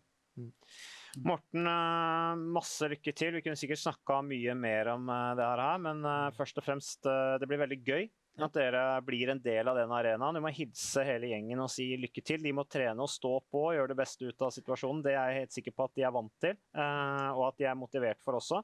Eh, Og så blir det gøy å følge dere, ikke minst. Ja, og det gir jo meg inspirasjon å høre Knut Erik og høre Tor. Eh, at de åpner eh, det som er av dører og, og armer, og vil bidra. Så når jeg tar med meg det her tilbake til de andre og forteller det inn i treningsgruppene, det her er rett og slett, som noen sa en gang, det her er fløte. ja. ja, men det er bare å stå på. Og ja, som sagt, det blir ikke moro å følge dere hele veien. Eh, Og så er det jo enda en grunn da, for publikum å komme ut, ta med seg piknikkurven, stå ute langs landeveien, heie, lage galskap og motivere også disse her som virkelig eh, tar tak og, og, og bruker idretten, sykkel, skaper lagfølelse for å stake kursen videre i livet. 2016-utgaven eh, var også et eh, flott dritt. Det ble litt sånn spesiell utgave, fordi at eh, det var jo da gikk jo midt oppi OL i Rio. Um, vi kan jo høre litt her. Det er faktisk min stemme. Ja, du var kommentator da, av at din far var i eh, Rio under OL.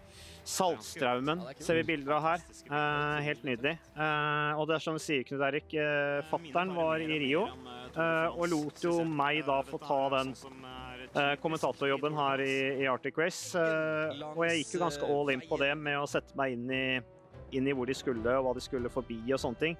Flotte bilder her også. Eh, hva var det liksom 2016-utgaven rent sånn designmessig, for å bruke ordet design, hva var, dere, hva var viktig med 2016-utgaven? Eh, 2016-utgaven var vel eh, egentlig det med at eh, vi skulle for første gang være sør for polarsirkelen. Eh, så vi starta jo nord for polarsirkelen eh, med Fauske og målgang på Rognan. Og så gikk vi sør, hvor det da de to neste etappene gikk. Og så starta vi jo på den siste etappen eh, på polarsirkel oppe på Saltfjellet. Og hadde da eh, hele veien eh, inn til Bodø, da sentrum, og passerte Saltstraumen og avslutta der. Så da at vi sykla inn i Og her har du jo spurten da i På første etappe så målgang i eh, Rognan. Rognan ja. Mm. Det ble dramatisk med velt der eh, hvor en av Ringerikskraftrytterne gikk i bakken. og Så var det til Sandnessjøen, det var til Korgfjellet, det var til Bodø. Det var jo start i Mo i Rana, Nesna og Arctic Circle. Eh, det Og vi kan, også si, vi kan jo si at når vi snakker om Mo i Rana Jeg tror at Mo i Rana kanskje har vært den startbyen der det har vært- den største folkemengden jeg har sett eh, på Arctic Race. Det var en fredag hvor vi hadde start der og hadde målgang ute i Sandnessjøen. Eh, det var helt fantastisk. Mm. Det var eh, bra startliste i 2016 også. Eh, Rein Taramé stilte som regjerende mester. Alexander Kristoff som vanlig. Tyler Ferrar, som Tor Huse har vært lagkamerat med i, i Garmin. Eh, Cervelo, eh, og eh, som jo vant etappe i Tour de France i 2011, Tyler Ferra. Arno De Mar kjørte. Lars Petter Norhaug var der. Kommer jo fra Rio, Lars Petter. Gianni Moscon, italieneren i Team Sky, som jo vant opp Korgfjellet, som vi ser bilder av her nå. Som egentlig ingen var klar over. Bortsett fra meg, da, som sa at han kom til å vinne. Det hadde jeg jo rett i. Gratulerer. Jo, takk. Det var På gravstøtta mi skal det stå 'Hva sa jeg?' Ja, Eh, i 2016. i 2016. Sergio Henao var der, Giancarlo Nisoli, Degenkolb, De Volder, Bennett, Chavanel, van Marke og Philippe Gilbert. Kanskje det største navnet, eh, i hvert fall i, i 2016-utgaven. Eh, og det er litt morsomt med Gilbert, som jo eh, Vi husker han særlig Var det ikke 2011, Tor, at han herja så vanvittig og vant alt? Var ikke det i 2011? Jo, stemmer det, Mats. I 2011 så hadde han en, eh, enkelte, en, en fantastisk uh, sesong. Så uh, det er en rytter som har vunnet, vunnet mye, og en av de mest vinnende rytterne. Uh, så kan du ta inn t- t- og fylle på med at eh, eh, den fjerde etappen inn til Bodø så vant jo John Degenkolb. Eh, noe som han uttalte var en av de største seierne i hans karriere. For da hadde han vært, ut, vært utsatt for en bilulykke, dessverre. Blitt kjørt ned av en bil. Mm. Og, og uh, har sleit veldig med å komme tilbake. Og så på en måte fikk han sin første seier da i, i Bodø, fjerde etappe i, Arctic Race. Så det betydde jo veldig mye for han, og selvfølgelig også for, uh, for rittet. Det var flotte rammer, husker jeg, i uh, Bodø. Der også et folkeliv med, som starta startet tidlig med med morgendagens helteritt. Det bygger seg opp, og hele byens er egentlig med på det engasjementet. Um, så rittet ble vunnet av Gianni Moscon foran Steff Clement og Oscar Gatto. Uh, og det, er, det var jo etappevinnerne Alexander Kristoff vant igjen. Danny van Poppel vant, som uh, vel du også har Ja, du har faren hans som sportsdirektør, har du ikke det, Tor? Jo, stemmer det. Så jeg kjenner både selvfølgelig faren best, men òg guttene. Så fin, fine gutter og gode, gode syklister. De har ikke helt klart å, å, få De begynte bra begge to, og så har liksom karrieren dødd litt ut, dessverre. Men de er fortsatt unge, så det kan være de kommer tilbake. Og så ble det jo avslutta i Bodø på vanlig mm. spektakulært vis. Og hvem er, som, hvem er, det som er, den kreative sjelen bak disse avslutningene? Arctic Race of Norway med denne pokalen, eller dette vandretrofeet? Mm. Nei, Det er et uh, godt samarbeid som vi har med våre partnere, hvor vi ønsker å diskutere litt ideer med muligheter. Og i 2016 så kom, da sto dette trofeet bak på på ribben da, til marinejegerne, eh, som kom da kjørende med båten. Så fra Saltstraumen og inn fulgte da båten sykkelrittet på tur inn til Bodø. Og når de da var kommet til havna og at målgangen var gjort, så kom de bærende inn med han. Og i, i Narvik, som vi så, så i sted, så var det òg marinejegerne som da landa med trofeet midt i, i, Narvik sentrum, rett foran eh, mållinja, eh, og kom bærende fram. Og vi har òg hatt din far, eh, som eh, tilbake igjen i 2017 eh, kom inn i, i, Tromsø sentrum på en tanks eh, med trofeet og overleverte det. Så det, det er ganske unikt, for han er jo nesten pasifist. Ja, og at han gjorde, ja, ja, men det ser du jo at han, Da er det jo sånn at hvis ideen er god nok, så er han òg med. Ja, ja, ja, han er det. Vi var inne på Philip Gilbert eh, og hans uh, triumfer. Eh, utrolig gøy at han har vært i Arctic Race of Norway. og vi kan jo høre hva Gilbert sa da vi snakket med han. Uh, it was a great experience. Uh, the weather was good, uh, and uh, we had this uh, upper finish, 20 minutes there. Uh, and it was a yeah, I forgot the name of the climb, but it was really hard. And I finished, I think, eight of the stage and eight in GC, something like this. So it was like almost like a time trial, and then the position didn't change much after that. How? Uh, what did Tour tell you to? Uh, was it Tour that invited you and, and told you to to to join for the race?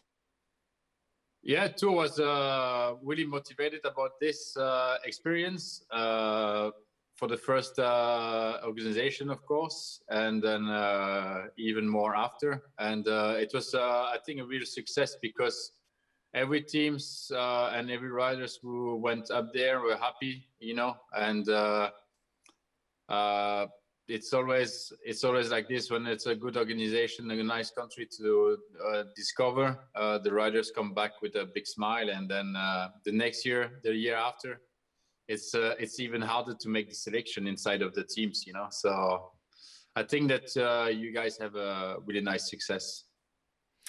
Uh, I, feel, I, have a question. Uh, if I remember right, that uh, were, the, the writers were talking about the the, the watt numbers you put yeah. up that climb.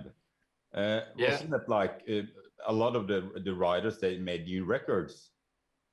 Yeah, yeah, they, it was the case, and uh, my, me, I had my best 20 minutes uh, there, and I was thinking that it was a bug in the system, you know, uh, because this can happen. and then, uh, and then the second teammate had the same, and then a third one, and then we start uh, speaking about it with uh, Ben Hermans, who was he's really into the science of the sports, and then his uh, opinion was that uh, because the Earth is not round, it's uh, less pressure on the, the, the, North Pole or South Pole. And uh, this is why we can push more watts. Uh, this is the scientist explanation. so, so if you want to make, uh, if you really want to make great numbers, you should come up and uh, do the Arctic race. That's where the big numbers are made. Exactly, it's that, they're the best way to make it. Um, but uh, you you've been to Norway after also, right?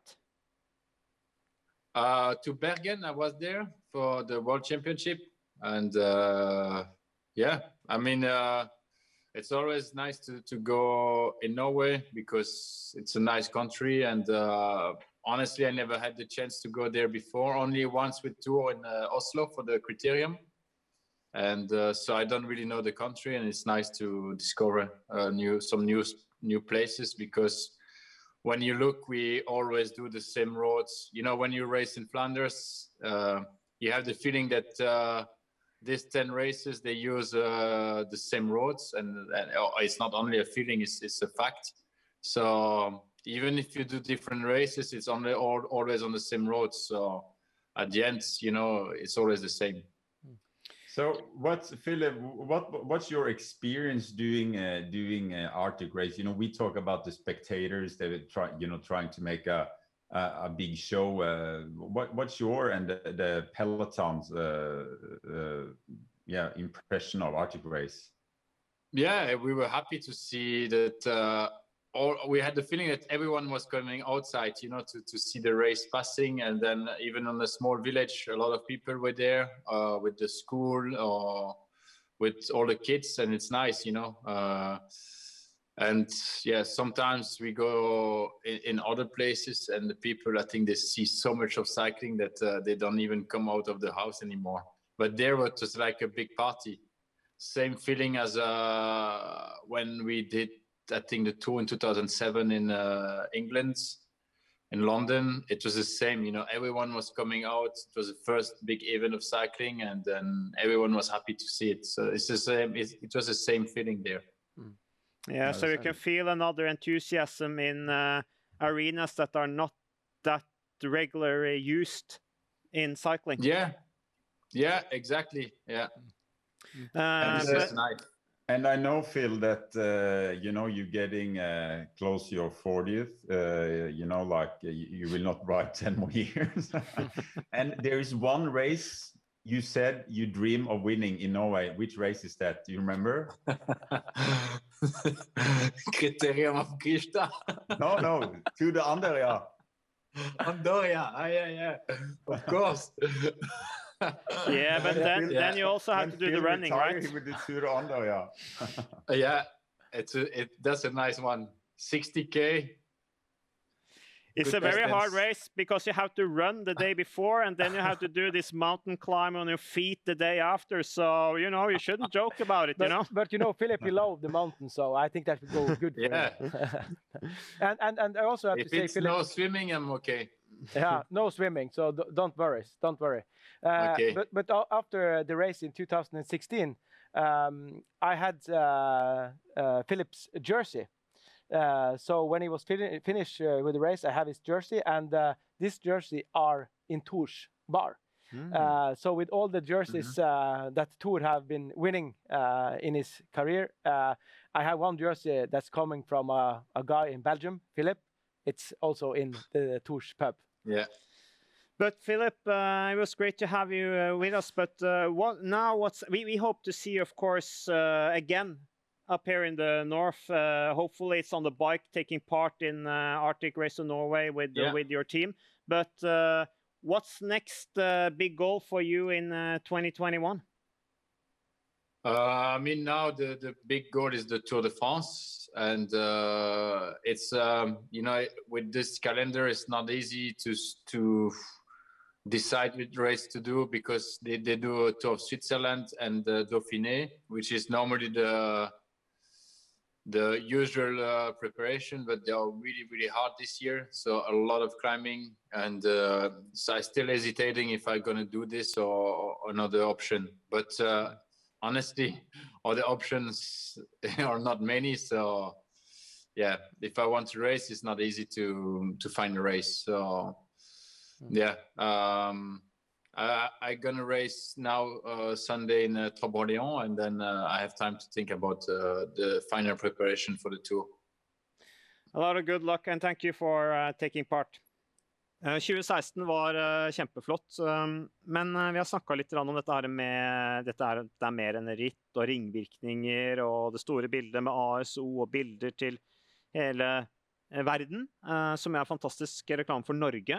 Eh, men eh, hvilke verdier har man noe tall på verdier som er skapt gjennom rittet i kroner og øre eller dollar eller euro eller hva det måtte være? Ja, det, det gjør vi. Vi gjør, vi gjør jo to ting. Uh, Annethvert år så har vi en ringvirkningsanalyse som forteller oss litt hvordan verdier blir lagt igjen av selve sykkelrittet, men òg de som kommer da tilreisende. Uh, den andre uh, ringvirkningen det skaper, det er jo verdiene på TV-sendingen. Uh, og det er jo der bl.a. at man, man, Norge kjøper da markedsføring gjennom Arctic Race. og de verdiene har gjennomsnittlig altså De har jo bygd seg oppover, men var i 2019 Ta det litt sånn, men på ca. 270 millioner. Så hvis at Norge skulle ha kjøpt da markedsføring gjennom de kanalene man distribuerer ut disse bildene, så er det det som har vært verdien på det. Går vi på disse ringvirkningsanalysene som vi gjorde første gang i, i 2014, eh, så eh, la man igjen eh, Det var vel nærmere 80 millioner da gjennom kjøp av tjenester av, av Arctic Race, men òg det som man da genererer gjennom de som kommer reise, tilreisende. Eh, det var vel 90 og noen i 2016, eh, og i 2018 så var det ned til sånn ca. 50 og noen millioner. Da var vi i Finnmark. Eh, det handler ikke noe om hvor, men, Finnmark er mindre, så når vi går inn og gjør beslag på kapasitet, Mm. både på hotell og andre ting, så tar vi liksom all eh, kapasitet. Og Det gjør det også med at du får mindre innreisende til, til akkurat eh, det. da. Mm. Så det gjør seg, seg utslag. Så for oss er det viktig å kunne synliggjøre hva vi legger igjen av verdier lokalt, der arrangementet da er. Eh, Men ikke minst òg til å se på de verdiene som, som da man får gjennom TV-bildene. Og så har du den siste verdien, eh, som vi har snakka om nå eh, tidligere. Eh, altså, det må være mer enn hva bare et sykkelritt. Eh, det med at Bufetat eh, eh, bruker arrangementet for å få, eh, um, eh, få flere til å vite mer hva det vil si å være et fosterhjem, Mm. eh, få flere til å bli det. Og de har jo en økning opp på 600 opp mot 600% av familier som vil vite mer om hva det vil si å være et fosterhjem. Eh, og det er en, det er en utrolig viktig samfunnsjobb Mm. eh, å være med på. Og der er da våre ambassadører som Tora og Dag stiller opp på arrangement Mm. eh, under arrangementet eh, som vi har. Og, og det er òg sånne type verdier som, som er viktige å og Kjerneverdier. kjerneverdier Ja. i, i det. Og så har du sånn Telenor, som er en viktig partner med oss. Mm. Eh, de bygger jo infrastruktur med 4G, og nå skal det være 5G. Eh, det vil ikke si at de ville gjort det uansett, men i alle fall så fremskynder det litt. Og der Arctic Race går, skal det være, være god dekning. Så det er mange som har fått noen, noen varige eh, effekter med at man har hatt en oppgradering i, i forhold til til 4G-nettet. Mm. Sånn at man skaper jo verdier eh, med arrangementet, og det er òg viktig for oss. Og, og næringslivet, det må samhandle, det må komme sammen. Eh, eh, Nå ønsker vi å bli det første sykkelrittet i verden til å kun bruke elektriske biler. Eh, få infrastruktur i forhold til lading er jo ikke så enkelt. Bilene blir jo enklere og enklere, men, men å lade så mange biler som vi har bruk for, opptil 120 biler, Mm. er ganske komplisert. Og der har da selskapene, eh, eh, kraftselskapene gått sammen om å utvikle det, og har nå laga et selskap sammen hvor de ser på hvordan man kan utvikle da mobil lading. Ikke bare innenfor det som går på vei, Mm. men det som både er på havet, og det som gjerne har med byggebransjen å gjøre. Mm. Så det er mange effekter man, man får rundt det, men man ser at vi må komme sammen uh, for å kunne utvikle eller å ta nye steg. Så ikke, det er da minst, ja. ikke minst det jeg ofte får høre, det er hvor eh, folk er glad for, det er når de får lagt ny asfalt. Skulle til å spørre om det. Liksom, eh, har det. Har det skjedd ting der også som har vært positivt for lokalbefolkningen rundt omkring? At eh, veier er utbedret pga. sykkelløpet? Nå er det ikke nå er inntrykk av at det er ikke så store investeringer som kreves på veinettet for Arctic Race of Norway. Sånn som ikke sant, Med, med Bergen-VM så var det jo mye dette her at de måtte flytte midtrabatter Mm. og rundkjøring og sånne ting som hadde en kostnad. Men det har det vel ikke vært så mye av med Arctic Race of Norway? Jo, det har vært noe. Det har det, Ja, ja. ja. Både midtrabatter og, vei, og, og dumper og, og sånne ting. Når du skal inn i byene i forhold til de rundene som man ønsker, så måtte vi ha gjort eh, det. Og det har vært eh, da kommuner som har vært veldig fleksible og veldig vel, hjelpsomme til å kunne gjøre eh, nettopp den jobben. Når det gjelder asfalt, så er det sånn at vi kan ikke pålegge noen om å legge asfalt. Men vi har en veldig god dialog med Statens vegvesen og nå etter hvert fylkeskommunene om planer de har. For når vi er og ser på veier, så ønsker jo vi å besøke alle. Det skal ikke stå på veiene for å kunne besøke ei bygd. Men hvis man får beskjed om at de veiene ikke vil bli utbedra, ja, da legger vi ikke sykkelrittet ditt. Da må vi bruke en annen plass for å ivareta sikkerheten til de som, til de som sykler. Men hvis at da fylket eller da Statens vegvesen sier at ja, vi har en plan på det, og det vil være gjort til den og den datoen, så mange tror jo at eh, asfalten blir lagt sånn bare at ah, Arctic Race skal komme dit. Det, det er ikke helt sånn. Eh, men det er jo etter et godt samarbeid, vil jeg heller si, med Statens vegvesen og, og fylkene, som gjør at eh, man kan gjøre noen utbedringer, og dermed gjør at vi kan ta arrangementet kanskje nettopp til den plassen eh, som vi ikke kunne kommet hvis det ikke var, var for det. Mm. Eh, vi går litt videre til 2017-utgaven. Um, da var det litt svakere felt enn eh, 2016. Um, Kristoff var der, selvfølgelig. Dylan Tøynes var der. Kristoffer Halvorsen, som eh, jo eh, senere ble proff i, eh, i EF Education. Uh, sykler Uno X og Kristoffer Valvorsen. Jonathan Iver, vår gamle lagkamerat i Gridia Recall, uh, Torus. Og Damiano Conego, som jo vant Giro Italia i 2004. Og Bodøs, Bodøs store sykkelsønn August Jensen var til stede da i 2017. Uh, Dylan Tøys vant foran August Jensen. Endelig fikk vi en nordlending på pallen i Arctic West of Norway. Nå sitter vi og ser på bilder. og Otto, selvfølgelig. Han leverer jo. Han er eh, på topp hele tiden. og så er det Dylan Tøynes, da. Som, som vinner BMC-rytteren tidligere. Jeg vet ikke om han var lagkamerat med deg, jeg tror, i BMC. Hvor da, Vi hadde en sesong eller to sammen blitt en god rytter. Dylan Tøynes har jo også etappeseier i, i, Tour de France. Alexander Kristoff leverte i europeisk mesterskapstrøye. Er det noe mer Det var målgangen på Bardufoss flystasjon da på andre etappe. Vi starta jo på Andørja, der alt sammen uh, starta i 2017 på Engnes. Målgang i Narvik. Og det vi nå ser, det er jo da målgangen oppe på Finnvikdalen, der han, uh, August Jensen da vant. Uh, som var en utrolig stor bragd. Jeg, jeg, jeg, tror at nesten, han måtte gjøre de samme tingene som Thor gjorde tilbake i 2013. der At du må lukke igjen alt og gi full gass og håpe på det, på det beste. Og så avsluttes jo det hele da i, i, i Tromsø siste dag, hvor man da starter og har målgang i, i Tromsø sentrum. Og Dylan Toynes var jo i en klasse for, for seg og, og vant Arctic Race da, totalt sett i i 2017. Jeg vant Arctic Race sammenlagt og to etapper. Um, uh, spektakulært med militæret selvfølgelig som, uh, som, bidrar, sånn som uh, det har pleid å, å gjøre. Men vi Dette med August Jensen er interessant at han gjorde det såpass bra. Um, hvor var det på en måte litt sånn erkjennelse for dere av at rittet Nå kan det jo skal man jo være forsiktig med å påstå at Arctic Race er eneste årsak til at uh, August Jensen lykkes. Men uh, det er jo noe litt sånn symbolsk med at det er en rytter fra Bodø som vinner, uh, vinner etappe. Ja, altså, jeg, jeg, tror at vi må det er Jeg helt enig med deg. Jeg tror ikke at det er en motivasjon men det er jo alltid August Jensen som sjøl må gjøre jobben. Mm. Eh, akkurat som dere snakker om morgendagens helter. Altså, men det er en motivasjon og en faktor til at jeg har lyst til å vinne eh, en etappe eller vinne Arctic Race i framtida. Mm. Det er òg en, en, motor til å ønske å vinne på, på hjemmebane.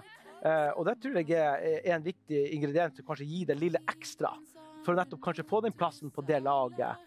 Uh, å være med. Og det tror jeg at uh, August Jensen har òg sagt uh, at det har vært, vært viktig for, for ham. Vi ser jo bilder her, veldig mye følelser rundt dette med, med August Jensen. Uh, skapte det ekstra interesse for rittet i lokalmediene?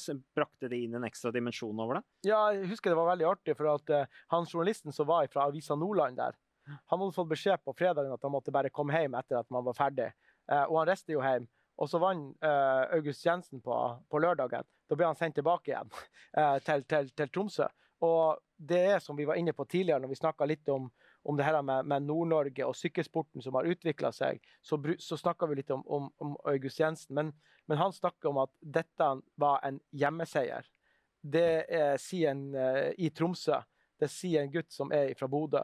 Og det vil si at Arctic Race er mye større enn hva kommunegrense, fylkesgrense Det er liksom oss jeg vant hjemme. Og det hadde han mm. kommet til å sagt om det var i Kirkenes eller om det var i Mo i Rana.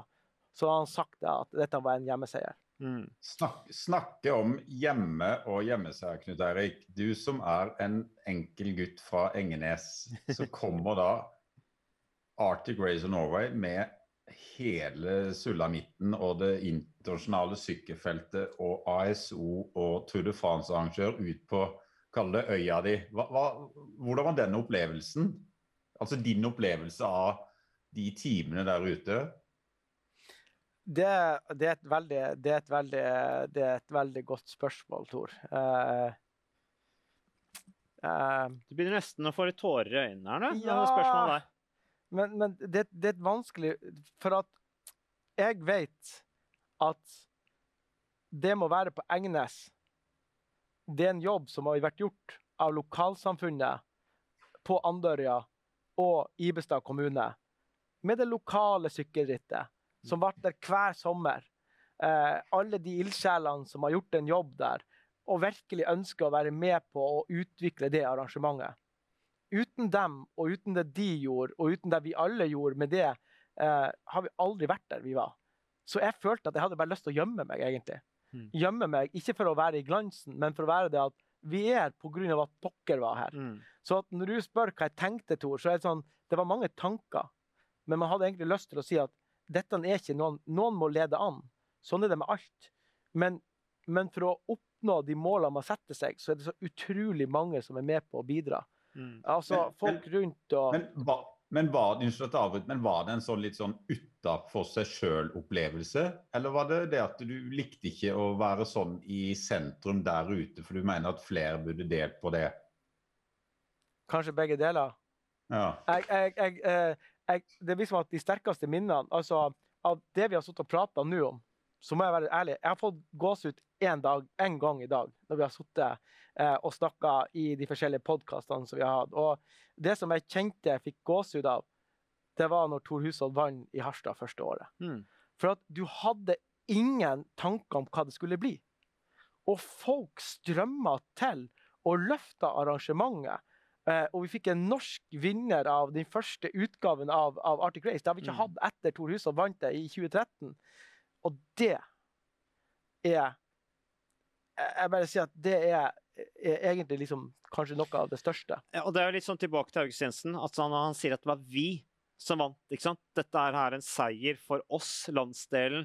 Eh, for Norge. At vi har dette sykkelløpet som går ut i hele verden med de rammene som er, med det engasjementet som er, entusiasmen som er. Det er en seier for oss. Mm. Eh, og han er en brikke i det og bidrar til det. Mm. Eh, og August Jensen er en fantastisk fyr. Jeg har tatt en prat med han om, om Arctic Race of Norway og hans rolle i sykkelløpet. Vi kan høre hva han sier.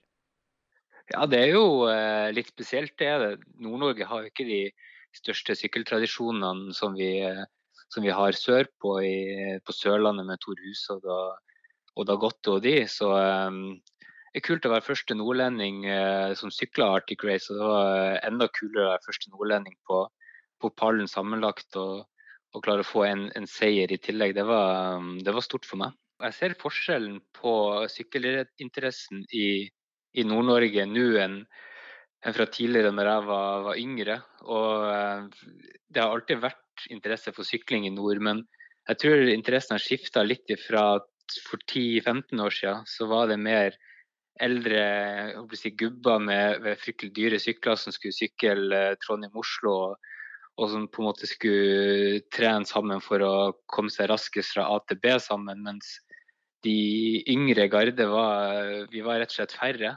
Eh, det var få ritt, det var ikke så mange vi kunne se opp til, og vi hadde ikke opplevd type eh, arrangement som Arctic uh, har kommet med.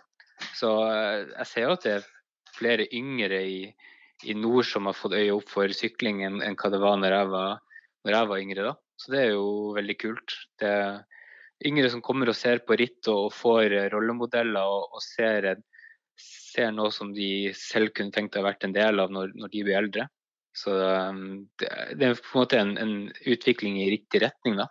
Jeg har jo ennå ikke gått glipp av noen uh, utgaver fra det, fra det, begynte. Utenom at uh, det ble avlyst i fjor, så har jeg jo vært med på Arctic hvert eneste år. Uh, så jeg håper jo å kunne, kunne sykle det i, i, år også. Det kommer litt an på om, om Delco skal være med, og, naturligvis. Men om de om de står på eh, startlista, så, så vil jeg nok være der, eh, jeg òg. Altså. Så det håper jeg nå. Jeg tror nok at vi vil få invitasjon til Arctic, men det handler vel om, om laget er interessert og, og, og, og komme kom opp til nord. Det er klart at det er jo et stort dritt til ASO som arrangerer det, men det har jo kommet litt fram i pressen at budsjettet til, til, laget må på en måte har eh, hva man skal si, blitt litt, eh, litt mindre enn, enn, hva man hadde håpa på etter sommeren. da. Så eh, uten at jeg kan si for mye, så kan det jo hende at noen ritt blir nedprioritert. Og da vet jeg om Arctic er et av de. Så eh, jeg håper naturligvis at laget stiller, men det er på en måte ikke noe garanti pga. litt, eh, litt pengeproblemer. da. Vi uh, håper jo selvfølgelig å se August Jensen tilbake i Arctic eh, Race of Norway. Uh, han hører hjemme her i det rittet. Om det ikke blir med laget, som vi hører har litt økonomiske problemer, så kan det jo f.eks. gjøres med et landslag, et mikslag f.eks., som kan være en løsning. Men det var vært noen flotte utgaver, og vi er jo tilbake med ny uh, podkast og avslutningspodkasten vi skal ha. Eh, da skal vi snakke om eh, bl.a. om rittets fremtid. Vi skal snakke om morgendagens helterittet for ungdommen som får være med på denne flotte arenaen. Og vi skal også ha tilbakeblikk på 2018- og 2019-utgaven. Takk for at du lyttet og så på Arctic Race of Norway-podkasten.